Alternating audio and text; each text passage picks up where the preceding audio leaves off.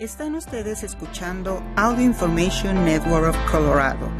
Esta grabación está destinada a ser utilizada únicamente por personas con impedimentos para leer medios impresos. La programación regular de este podcast no está disponible en este momento. Esperamos que disfrute de esta transmisión especial de AINC Gracias por acompañarnos el día de hoy, martes 5 de diciembre, a la lectura de Telemundo Denver. Mi nombre es Janet Beatty. Estos son los principales artículos que leeremos hoy.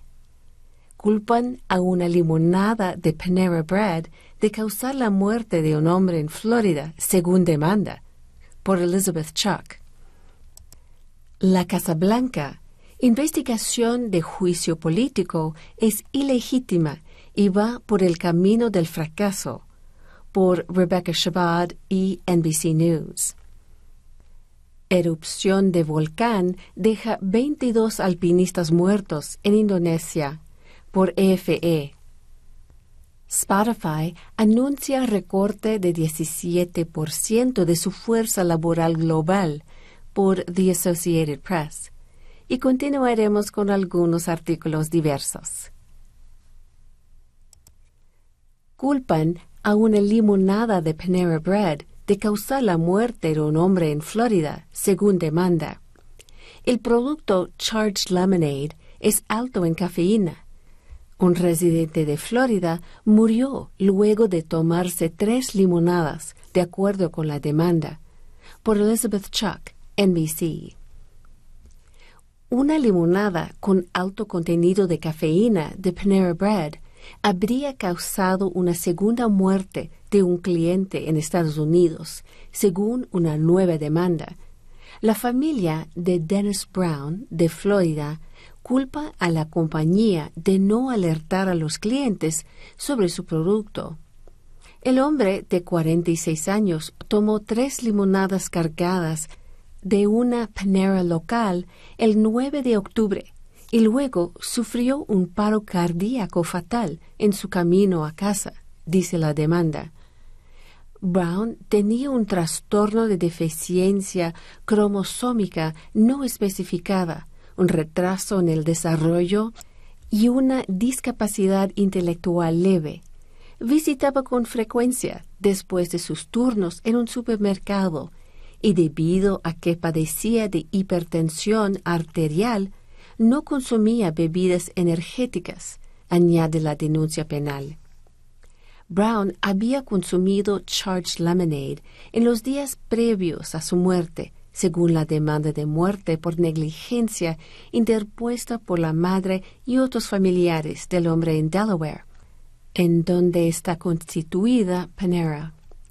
La autopsia determinó que Brown falleció de un paro cardíaco debido a una enfermedad hipertensiva, según un certificado de defunción proporcionado a NBC News por Elizabeth Crawford, socia del bufete de abogados Klein Inspector PC, con sede en Filadelfia, que representa tanto a la familia de Brown como a la familia de Katz es la segunda muerte vinculada a la limonada.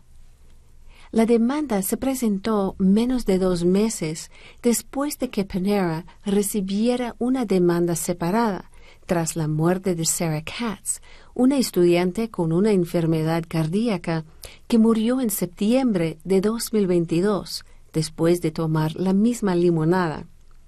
Esa demanda, reportada por primera vez por NBC News, calificó la bebida como una bebida energética peligrosa y argumentó que Panera no advirtió adecuadamente a los consumidores sobre sus ingredientes, que incluyen el estimulante extracto de guaraná. Panera ha enunciado su limonada cargada como de origen vegetal y con tanta cafeína como nuestro café tostado oscuro con 390 miligramos de cafeína, una limonada de 30 onzas líquidas tiene más cafeína, perdón, en total que cualquier tamaño de café tostado oscuro de Panera, dicen las demandas legales. La taza grande contiene más que el contenido de cafeína de las latas estándar de bebidas energéticas, Red Bull y Monster combinadas, además del equivalente a casi 30 cucharadas pequeñas de azúcar. La Administración de Alimentos y Medicamentos, FDA por sus siglas en inglés, recomienda a los adultos sanos pueden consumir de manera segura 400 miligramos de cafeína al día. No está claro si Brown sabía cuánta cafeína y otros estimulantes había en la bebida, que en el momento de su muerte estaba disponible en dispensadores de autoservicio y se ofrecía junto con todas las bebidas sin cafeína y o de la tienda bebidas con menos cafeína, dice la demanda. Panera se defiende. Panera expresó en un comunicado un profundo pésame por la familia del señor Brown y dijo que defendía la seguridad de sus productos. Basándonos en nuestra investigación, creemos que su desafortunado fallecimiento no fue causado por uno de los productos de la empresa, dijo en un comunicado. Consideramos que esta demanda, que fue presentada por el mismo bufete de abogados de la reclamación anterior, tampoco tiene fundamento. Panera defiende firmemente la seguridad de nuestros productos. Después de la primera demanda, Panera publicó información más detallada en todos sus restaurantes y en su sitio web, advirtiendo a los clientes que consumieran Charge Lemonade con moderación, alertando que no se recomienda para niños, personas sensibles a la cafeína o mujeres embarazadas o lactantes.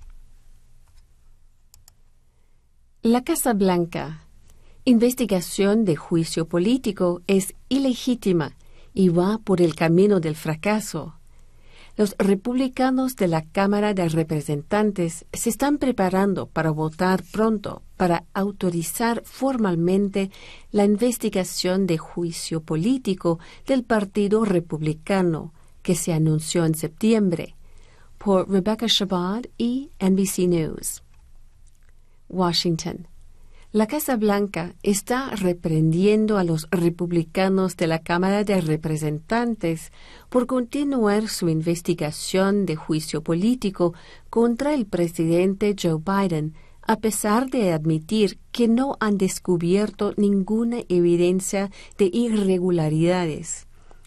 En la conferencia republicana de este martes, el líder de la mayoría, Scalise, y el líder Tom Emmer dijeron que la próxima semana se realizaría una votación para formalizar la investigación de juicio político contra el presidente Biden, y Emmer agregó la advertencia si se produce.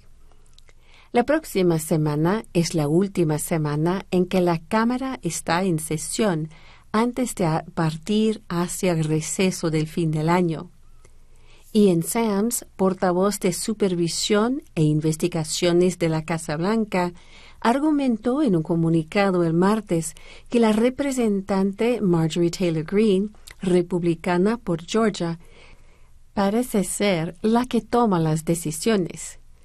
Todos esos republicanos de la Cámara de Representantes y sus colegas deberían responder por qué cambiarían de tono ahora y aceptarían su ejercicio infundado de difamar al presidente Biden cuando sus acusaciones ya han sido completamente verificadas y desacreditadas, dijo Sams, en lugar de centrarse en los temas que afirmaron que priorizarían cuando se postularon para el cargo, como reducir la inflación, hacer crecer la economía y fortalecer la seguridad nacional. La Casa Blanca dijo que los republicanos de la Cámara de Representantes han participado en estas investigaciones durante meses y ningún documento, testimonio o información sensible de las fuerzas del orden, ha respaldado sus acusaciones de irregularidades por parte del presidente Biden. La Casa Blanca destacó varias citas de legisladores republicanos que decían que no habían visto pruebas de irregularidades. A pesar de esta realidad, la extrema derecha está tomando las decisiones y exige que los republicanos de la Cámara de Representantes continúen por este camino del fracaso, dijo la Casa Blanca, que calificó de ilegítima la investigación de juicio político. El Comité de Supervisión de la Cámara de Representantes no respondió de inmediato a una solicitud de comentarios. El presidente del Comité de Supervisión, James Comer, republicano por Kentucky, dirige la investigación junto con el presidente del Comité Judicial de la Cámara de Representantes, Jim Jordan, republicano por Ohio, y el presidente del Comité de Medios y Arbitrios, Jason Smith, republicano por Missouri.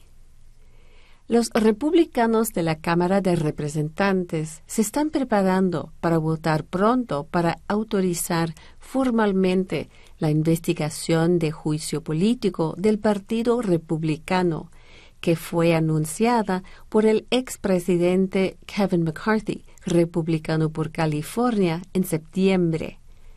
Los legisladores republicanos dijeron la semana pasada que podría realizarse una votación esta semana, pero aún no se ha programado dicha votación.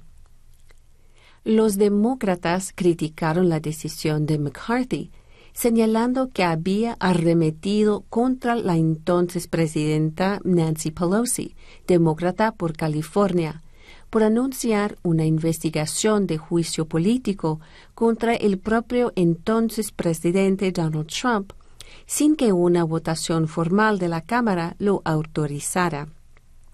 Un mes después, la Cámara votó a favor de formalizar las reglas y procedimientos para la investigación de Trump.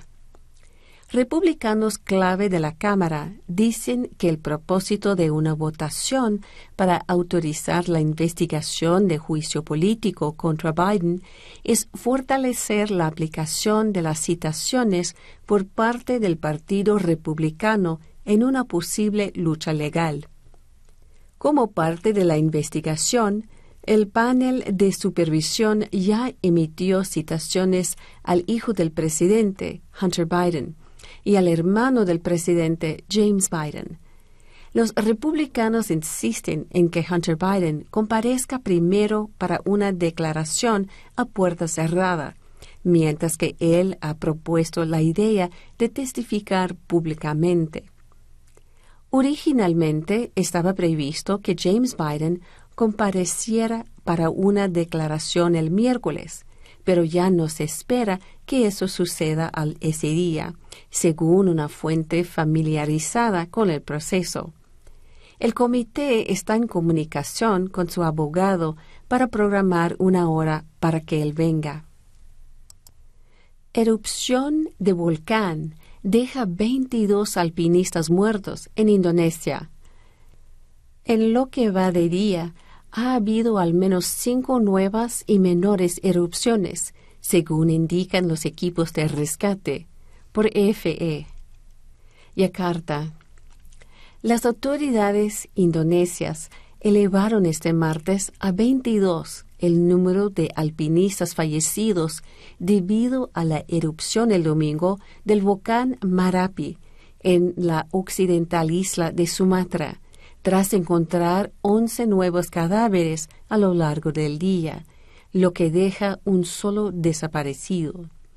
El jefe de la agencia de búsqueda y rescate de Padang, Abdul Malik, indicó en un comunicado que de los 22 cadáveres hallados, 13 han sido evacuados y otros nueve están en el proceso de ser trasladados del volcán, el más activo de Sumatra. Unas 200 personas participaron en la búsqueda de 12 alpinistas a los que creían desaparecidos, pero encontraron 11 nuevos cadáveres en medio de peligrosas tareas de rescate interrumpidas por la continuada actividad del Marapi. En lo que va de día, ha habido al menos cinco nuevas y menores erupciones, según indican los equipos de rescate. Hasta el momento y desde el domingo, los rescatistas han logrado evacuar con vida a, a 52 perdón, alpinistas del volcán, del total de 75 que las autoridades locales aseguran que se hallaban en el momento de la erupción. Las imágenes y los vídeos compartidos con los equipos de búsqueda muestran cómo los rescatistas combaten el humo y la deficiente visibilidad protegidos por mascarillas y vestidos de naranja chillón. La erupción, que duró cuatro minutos y cuarenta y uno segundos, sucedió alrededor de las dos y cincuenta y cuatro pm hora local el domingo, según informó en un comunicado entonces el Centro de Vulcanología y Mitigación de Desastres Geológicos, PVMBG. El estallido fue captado por residentes de poblaciones cercanas que compartieron en las redes sociales vídeos de la enorme columna de humo que expulsó el volcán que propició una lluvia de ceniza en la zona. El volcán, con una cima de 2.891 metros y cuyo nombre se traduce como montaña de fuego, es el más activo de la isla de Sumatra. Indonesia alberga más de 400 volcanes, de los que al menos 129 continúan activos y 65 están calificados de peligrosos. El archipiélago indonesio se asienta dentro del denominado Anillo de Fuego del Pacífico, una zona de gran actividad sísmica y volcánica que es sacudida por unos 7.000 temblores al año, la mayoría de escasa magnitud. Spotify anuncia recorte de 17% de su fuerza laboral global. Esta es la tercera ocasión en este año en la que la plataforma de música de streaming reduce su plantilla laboral, por The Associated Press. Spotify anunció que despedirá al 17% de su fuerza laboral global en un intento por reducir costos al tiempo que se enfoca en volverse rentable. Se trata de la tercera ronda de ceses del servicio de música en streaming este año. En un mensaje a los empleados publicado en el blog de la compañía el lunes, el director ejecutivo Daniel Eck indicó que la eliminación de puestos de trabajo forma parte de una reorientación estratégica la publicación no especificó cuántos empleados perderán su trabajo, pero un portavoz confirmó que asciende a unas 1.500 personas. Spotify había utilizado financiación barata para expandir el negocio e invirtió considerablemente en empleados, contenido y marketing en 2020 y 2021, según la publicación del blog. Pero X señaló que la empresa se vio sorprendida cuando los bancos centrales comenzaron a subir las tasas de interés el año pasado, lo que puede desacelerar el crecimiento económico. Ambos plantean un desafío, añadió. Ahora nos encontramos en un entorno muy diferente y a pesar de nuestros esfuerzos por reducir costos el año pasado, nuestra estructura de costos para llegar a donde necesitamos estar sigue siendo demasiado grande, explicó. Eck dijo que la estructura más ágil de la empresa garantizará la rentabilidad continua de Spotify. Spotify, con sede en Estocolmo, registró una pérdida neta de 462 millones de euros, unos 500 millones de dólares, durante nueve meses hasta septiembre. La empresa anunció en enero que despediría el 6% del personal total. En junio recortó personal en otro 2%, o unos 200 trabajadores, principalmente en su división de podcasts. Empresas tecnológicas como Amazon, Google, Microsoft, Meta e IBM han enunciado cientos de miles de recortes de empleos este año. Vacaciones terminan en tragedia. Turista muere tras ataque de un tiburón en Bahamas. Fuentes en Bahamas dijeron que la mujer acababa de casarse y al momento del ataque estaba acompañada por un hombre, pero aún se desconoce si se trataba de su esposo. Por Munashe Kwangwari. Momentos de terror se vivieron en Bahamas el lunes de la mañana, después de que una turista de Boston fuera asesinada por un tiburón mientras practicaba remo cerca de un resort de Sandals. Un socorrista intervino para intentar salvar a la mujer, pero sus heridas al final fueron demasiado graves. La víctima, una mujer de 44 años, no ha sido identificada por el momento, pero sabemos que ella estaba practicando remo con un pariente masculino cuando ocurrió el ataque dijo la Policía Real de Bahamas. Fuentes en Bahamas dicen que ella acababa de casarse y el ataque habría ocurrido junto a su esposo, pero esa información aún está sin confirmar. Según la policía, el ataque ocurrió poco después de las 11:15 a.m. del lunes, la mujer se encontraba a menos de una milla del extremo occidental de la isla de Nueva Providencia, donde se encuentra la capital, Nassau. Un socorrista de guardia vio lo que estaba pasando y salió en un bote de rescate para intentar salvar a la mujer. El socorrista notó rápidamente que tenía heridas graves en la cadera derecha y en el brazo derecho, ella tampoco tenía signos vitales. El socorrista intentó realizarle maniobras de reanimación cardiopulmonar, pero la mujer murió en el lugar. No quedó claro de inmediato qué tipo de tiburón la atacó, dijo un representante de la policía a NBC News. En las Bahamas viven entre 30 y 40 especies de tiburones, aunque el tiburón de arrecife del Caribe, el tiburón toro, el tiburón tigre y el tiburón de punta negra tienen la mayor frecuencia de mordeduras. La mujer se encontraba como invitada en el resort Sandals Royal Bahamian, dijo un representante de la compañía en un comunicado estamos profundamente entristezados por el trágico fallecimiento de un huésped mientras practicaba remo a casi una milla de la costa. Deseamos expresar nuestro más sentido pésame a la familia y a los seres queridos del huésped, dice el comunicado. Seguimos en estrecho contacto con ellos y les brindamos todo el apoyo posible durante este momento difícil. Los expertos en tiburones dijeron que si bien este tipo de ataques son raros, los turistas deben tener cuidado, ya que Bahamas ha sido un santuario de tiburones durante años. En la mayoría de los casos se trata de una identidad equivocada, dijo Nick Whitney, científico principal del Acuario de la Nueva Inglaterra.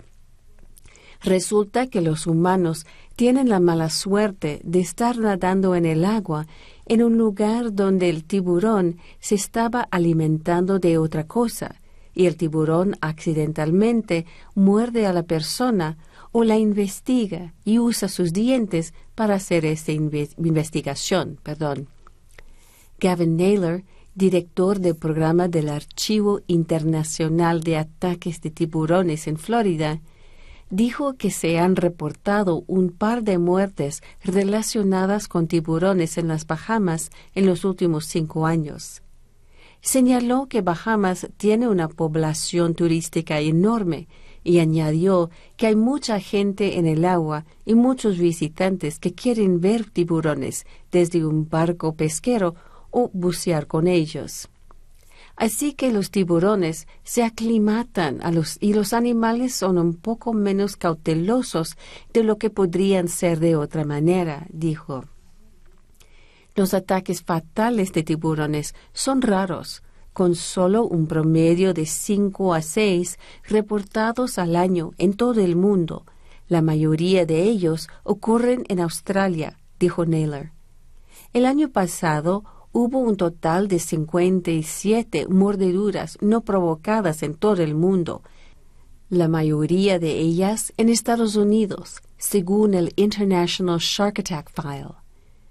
Al menos 33 ataques confirmados de tiburones no provocados han sido reportados en las Bahamas desde 1580 y la isla ocupa el noveno lugar a nivel mundial según el archivo. El periódico Nassau Guardian informó que las autoridades de las Bahamas todavía están buscando a una mujer alemana que desapareció a fines del mes pasado, después de que aparentemente fue atacada mientras buceaba. El año pasado, un tiburón mató a un pasajero de un crucero estadounidense procedente de Pensilvania que estaba haciendo snorkel en el norte de Bahamas, cerca de Green Cay. La mayoría de los ataques de tiburones en el Caribe ocurren en Bahamas, aunque hace tres años se informó de un raro ataque de tiburón en el territorio caribeño francés de San Martín. A los 70 años, mujer ugandesa da a luz a gemelos tras un tratamiento de fertilidad. Hace tres años, la mujer dio a luz su primera hija, también mediante fertilización in vitro, por The Associated Press. Una mujer de 70 años de Uganda dio a luz a gemelos tras recibir un tratamiento de fertilidad, lo que la convierte en una de las nuevas madres más viejas del mundo. Safina Nemukwaya dio a luz a un niño y una niña el miércoles por cesárea en el hospital de la capital, Kampala, donde había estado recibiendo tratamiento de fecundación in vitro, informó Arthur Matsiko, portavoz del Women's Hospital International and Fertility Center. Está sana, habla, camina si le dicen que camine por el hospital dijo Matsiko el viernes, refiriéndose a Namukwaya, que tuvo una hija en el mismo centro en 2020, tras un tratamiento de fecundación in vitro. Namukwaya es la mujer de más edad que ha dado a luz en el hospital, cuyo propietario es un destacado ginecólogo de la región oriental de África. El hospital está especializado en ayudar a parejas que tienen problemas para tener hijos. Los avances en la investigación han mejorado las tasas de éxito de los tratamientos de fecundación in vitro.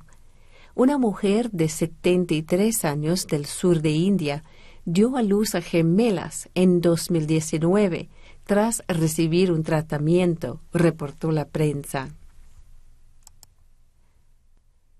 Venado rompe ventana y desata persecución policial en la escuela primaria. Por Rebecca Cohen, NBC News. Nueva Jersey. La policía de Nueva Jersey fue enviada a una persecución salvaje captada por cámara después de que un siervo se entrara a una escuela primaria la noche del Viernes Negro. Un hombre que paseaba a su perro llamó al departamento de policía de Toms River alrededor de las 10 p.m. el 24 de noviembre, después de ver al ciervo atravesar una ventana y correr hacia la escuela primaria Cedar Grove, informó NBC Filadelfia.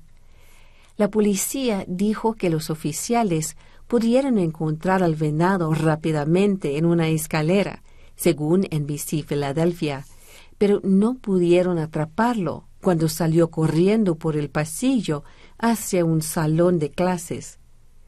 Las imágenes de la cámara corporal de la policía publicadas el jueves en Instagram mostraron al ciervo al que los oficiales llamaron acertadamente Rudolph, saltando sobre una estantería en el salón de clases y esparciendo artículos por todas partes, mientras los oficiales intentaban impotentemente disputarlo. Finalmente, los oficiales pudieron usar una trampa para perros para guiar a Rudolph hacia una puerta trasera para que pudiera salir de la escuela según NBC Filadelfia.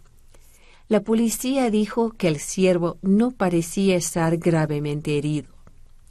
El ciervo fue visto corriendo hacia el norte, alejándose de la escuela una vez afuera en las imágenes de la cámara corporal publicadas por la policía, tal vez hacia el Polo Norte, dijo la policía a NBC Filadelfia.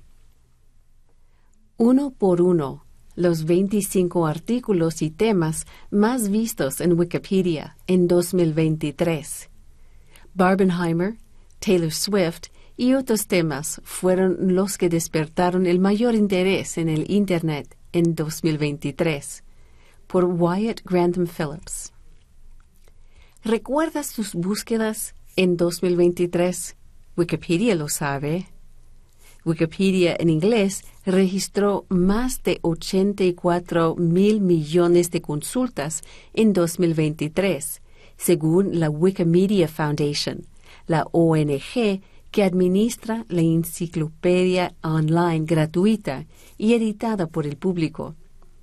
Y el artículo más consultado fue el de ChatGPT, el chatbot de inteligencia artificial que aparece en todas partes hoy. Desde su lanzamiento hace poco más de un año, el ChatGPT desarrollado por OpenAI ha entrado vertiginosamente en la conciencia del público a medida que se introduce en las escuelas, la medicina, el derecho y hasta los sermones religiosos. El chatbot ha contribuido a los debates sobre las perspectivas y los peligros potenciales de la inteligencia artificial generativa, que en buena parte están documentados en su página de Wikipedia. El segundo artículo más leído en Wikipedia en 2023 fue la lista anual de decesos, uno de los más consultados año tras año, que ocupó el cuarto lugar en 2022 y el primero en 2021. Los artículos sobre personalidades notables fallecidas en el año registraron numerosas consultas este año, como las páginas de Matthew Perry y Lisa Marie Presley. Por otra parte, la muy esperada Copa Mundial de Cricket ocupó el tercer lugar, junto con otros tres artículos relacionados con el cricket, entre los 25 más consultados del año, entre ellos la Liga Premier de la India en el cuarto lugar. La primera vez que un artículo sobre cricket entra en la lista desde que Wikimedia Foundation empezó a llevar esos registros en 2015.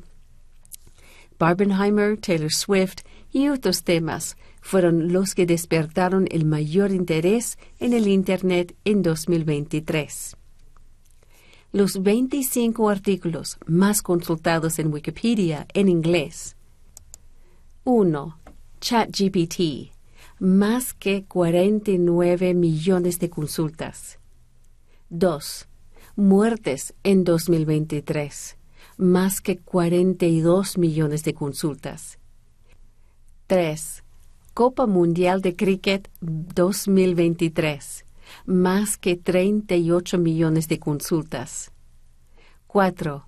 Liga Premier de la India de Cricket, más que 32 millones de consultas. 5. Oppenheimer, filme, más que 28 millones de consultas. 6. Copa Mundial de Cricket, más que 25 millones de consultas. 7. J. Robert Oppenheimer, más que 25 millones de consultas. 8. Joan, filme indio, más que 21 millones de consultas. 9. Liga Premier de la India 2023, más que 20 millones de consultas. 10. Pathan, filme indio, más que 19 millones de consultas. 11. The Last of Us, serie de TV, más que 19 millones de consultas. 12. Taylor Swift, más que 19 millones de consultas. 13. Barbie, filme, más que 18 millones de consultas. 14. Cristiano Ronaldo, más que 17 millones de consultas. 15. Lionel Messi, más que 16 millones de consultas. 16. Liga Premier, más que 16 millones de consultas. 17. Matthew Perry, más que 16 millones de consultas. 18. Estados Unidos, más que 16 millones de consultas. 19. Elon Musk, más que 14 millones de consultas. 20. Avatar, The Way of Water, filme, más que 14 millones de consultas. 21. India, más que 13 millones de consultas. 22. Lisa Marie Presley, más que 13 millones de consultas. 23. Guardians of the Galaxy, volumen 3, filme, más que 13 millones de consultas. 24. Invasión rusa de Ucrania, más que 12 millones de consultas. 25. Andrew Tate, más que 12 millones de consultas. Según Wikimedia Foundation, esta lista fue confeccionada con Wikipedia en inglés hasta el 28 de noviembre. La ONG actualizará la lista para todo el año el 3 de enero de 2024. Virginia explota una casa. La policía alerta sobre hombre que disparó bengalas. Esta es una noticia de última hora. En breve te tendremos más información. Por Telemundo Digital. Arlington, Virginia. Una casa explotó la noche del lunes en esta ciudad solo minutos después de que la policía publicara en las redes sociales que un sospechoso había disparado una pistola de bengalas dentro de una casa. En una publicación en X, antes Twitter, poco después de las 8 y 15 pm, el Departamento de Policía del Condado de Arlington dijo que los agentes estaban en el lugar en la cuadra 800 de North Burlington Street, investigando a un sospechoso que había disparado una pistola de bengalas desde su casa. Pidió a los residentes de la zona que se refugien en sus casas hasta, nuevo aviso. Perdón. Estaba en la parte trasera de mi casa y había estado escuchando antes de esto una especie de sonido de petardos y de repente hay un fuerte estruendo y toda mi casa tiembla, dijo la vecina Annalise Quinn. Todas las luces se apagaron inmediatamente. Otros usuarios recurrieron a las redes sociales para compartir que habían escuchado la fuerte explosión alrededor de las ocho y media pm. Impresionantes imágenes de vídeo muestran el momento que en la casa estalló en llamas. Se podían ver vehículos policiales frente a una casa de ladrillo. De repente una explosión arrasa el porche delantero. El techo vuela por los aires mientras crecen las llamadas anaranjadas. Se puede escuchar a la gente gritar de incredulidad mientras se eleva el humo. Se podía sentir el sonido de conmoción, dijo un hombre en el área.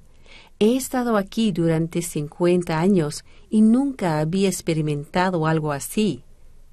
Más tarde, la policía del condado confirmó en una publicación que cuando los agentes entraban a la casa, el sospechoso disparó varias balas dentro de la casa antes de que ocurriera la explosión. Los agentes de policía sufrieron heridas leves, pero no fueron trasladados a hospitales, dijo el departamento. Las autoridades no tienen conocimiento de nadie más que haya resultado herido, dijeron en una conferencia de prensa. El sospechoso, cuyo nombre no fue revelado de inmediato, no ha sido localizado. Arlington Fire and EMS publicó en X que sus unidades estaban en la escena de un incendio estructural en la misma dirección y que esperaban una gran respuesta de la policía y los bomberos. Los bomberos siguen trabajando para apagar el incendio y aún no han entrado en la vivienda. La escena se encuentra aproximadamente a media milla al oeste de la estación de metro Ballston MU, al norte de Wilson Boulevard.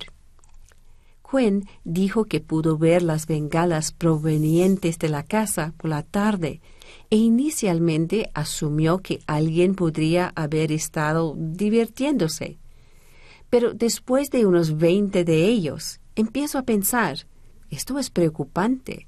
Tal vez alguien debería llamar a la policía, dijo. Había una unidad de policía que iba por la calle y luego giró en la esquina hacia el callejón sin salida donde estaba y parecía que le estaban hablando.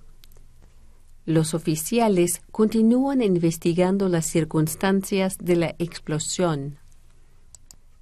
Cuatro precandidatos republicanos debatirán el miércoles en Alabama. Chris Christie, Ron DeSantis, Nikki Haley y Vivek Ramaswamy subirán al escenario del Moody Hall en la Universidad de Alabama en Tuscaloosa por NBC Boston.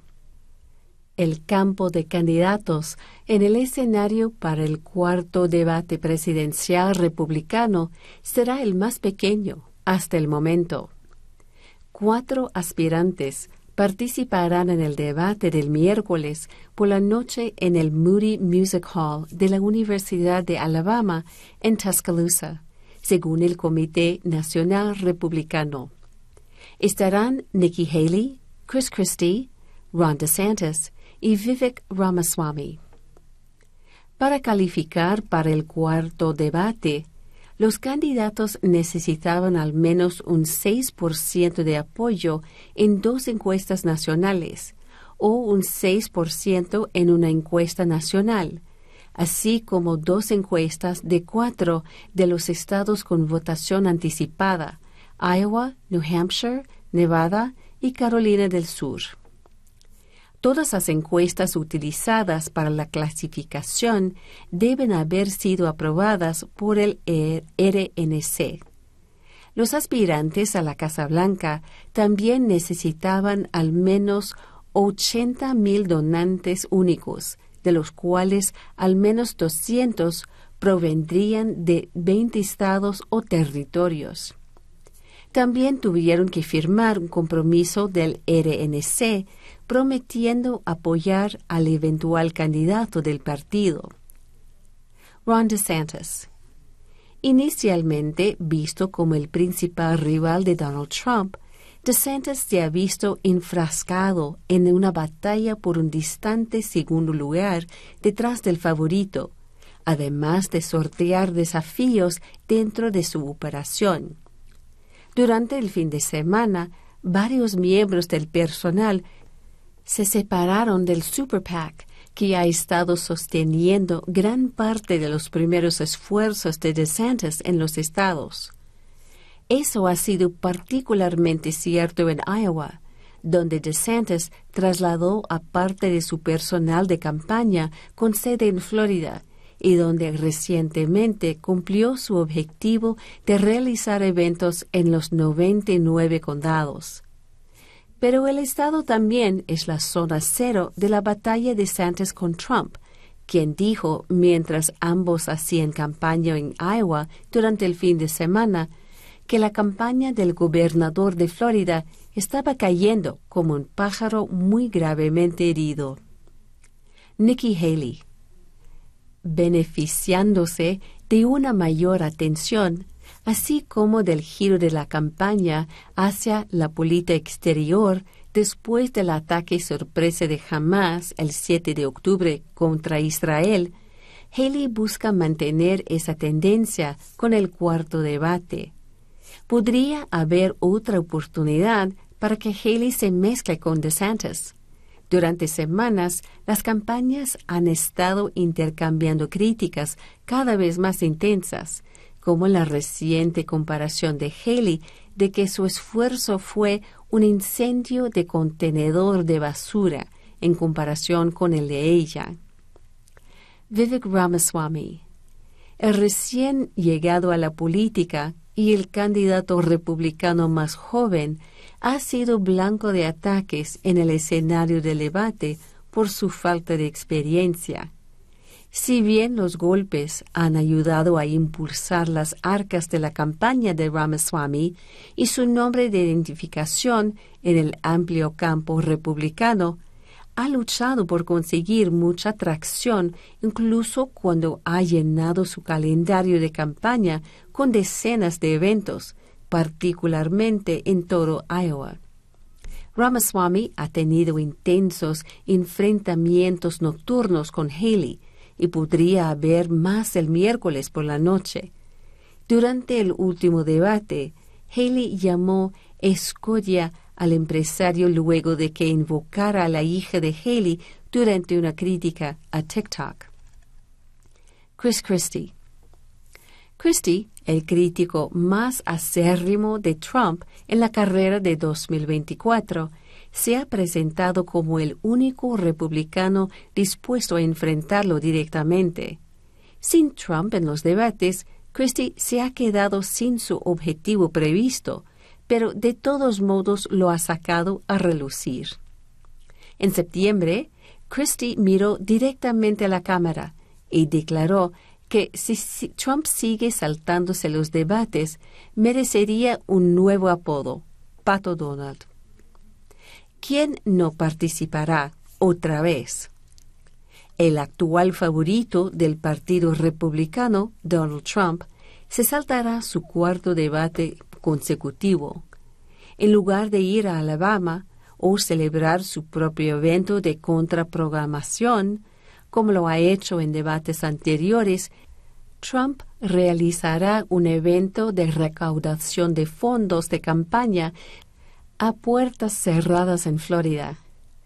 Trump ha dicho que renunciará a los debates primarios porque no quiere elevar a sus oponentes menos votados al estar en el escenario con ellos. Él y su campaña también ha pedido al RNC que cancele el resto de los debates y en cambio se centre en respaldarlo contra el presidente Joe Biden. Quienes calificaron para debates anteriores, pero no para este.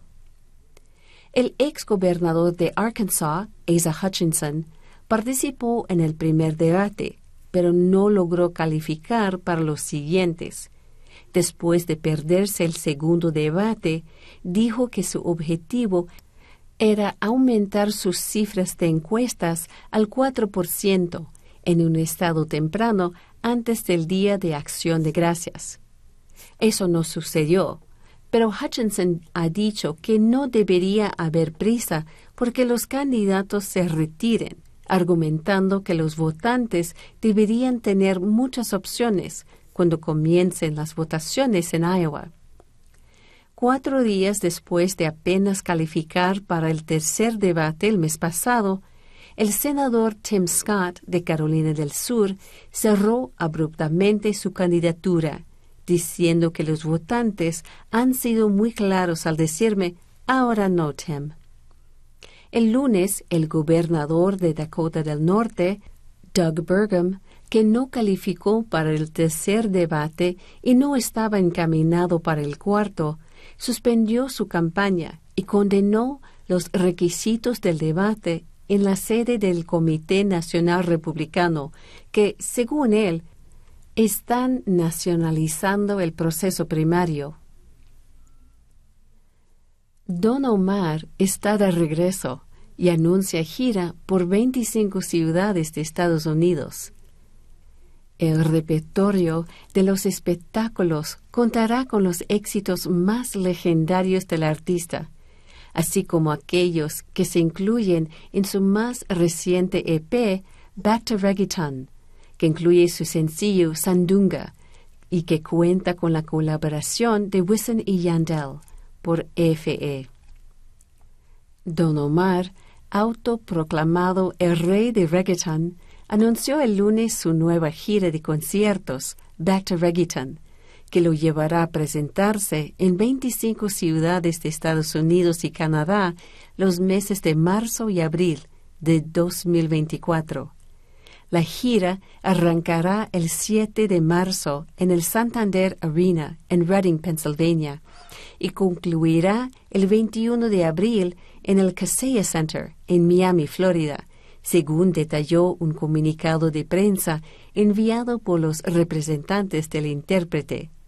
El legendario artista urbano visitará también Nueva York, Los Ángeles, Chicago, Las Vegas y Houston, entre otras ciudades. El objetivo de la gira será celebrar dos décadas de música innovadora y éxitos mundiales que han marcado la carrera del artista puertorriqueño, resaltó el comunicado. El repertorio de los espectáculos contará con los éxitos más legendarios del artista, así como aquellos que se incluyen en su más reciente EP, Back to Reggaeton, que incluye su sencillo Sandunga y que cuenta con la colaboración de Wisin y Yandel. Por décadas, los éxitos de Don Omar demuestran la continua evolución y revelancia que trae a la escena musical y lo consolidan como uno de los artistas más influyentes y respetados de la música, destacó además el comunicado. Igualmente, su gira promete ser la mezcla perfecta entre los clásicos y los nuevos éxitos de Don Omar una oportunidad incomparable para vivir y disfrutar la energía que solo él puede hacer, y por eso es el artista más versátil de la música urbana, agregó la nota. Los boletos de preventa estarán disponibles desde este jueves en tonomar.com y la venta general el próximo viernes desde las 10 a.m. en la misma página web. Lo torturaron y mutilaron. Familia hispana recibe fotos del cadáver del joven asesinado. Por Telemundo, Arizona. Phoenix. La policía arrestó a tres hombres por el brutal asesinato de un hombre que fue encontrado muerto en un parque de Phoenix a fines de noviembre. Documentos judiciales detallan que los tres sospechosos presuntamente están involucrados en el homicidio fueron arrestados el domingo. Las autoridades identificaron a los sospechosos de la muerte de Bernardo Pantaleón, de 30 años, como José Rodríguez, de 20, Leonardo Santiago y Manuel Carrasco Calderón, ambos de 21 años. El 26 de noviembre, el cuerpo de Pantaleón fue encontrado con signos de traumatismo significativo en un sendero cerca de Mountain View Park, cerca de las avenidas 7 y Peoria. Los documentos judiciales revelaron que le habían disparado varias veces y que su cuerpo estaba mutilado. Las lesiones se extendieron desde la cabeza hasta el cuello y el torso. La familia de Pantaleón dijo que lo encontraron desnudo, golpeado y brutalmente torturado, tan brutalmente que los detectives pidieron a otros seres queridos que no lo vieran en esas condiciones. Gracias por habernos acompañado en esta emisión de Telemundo Denver. Mi nombre es Janet Beatty.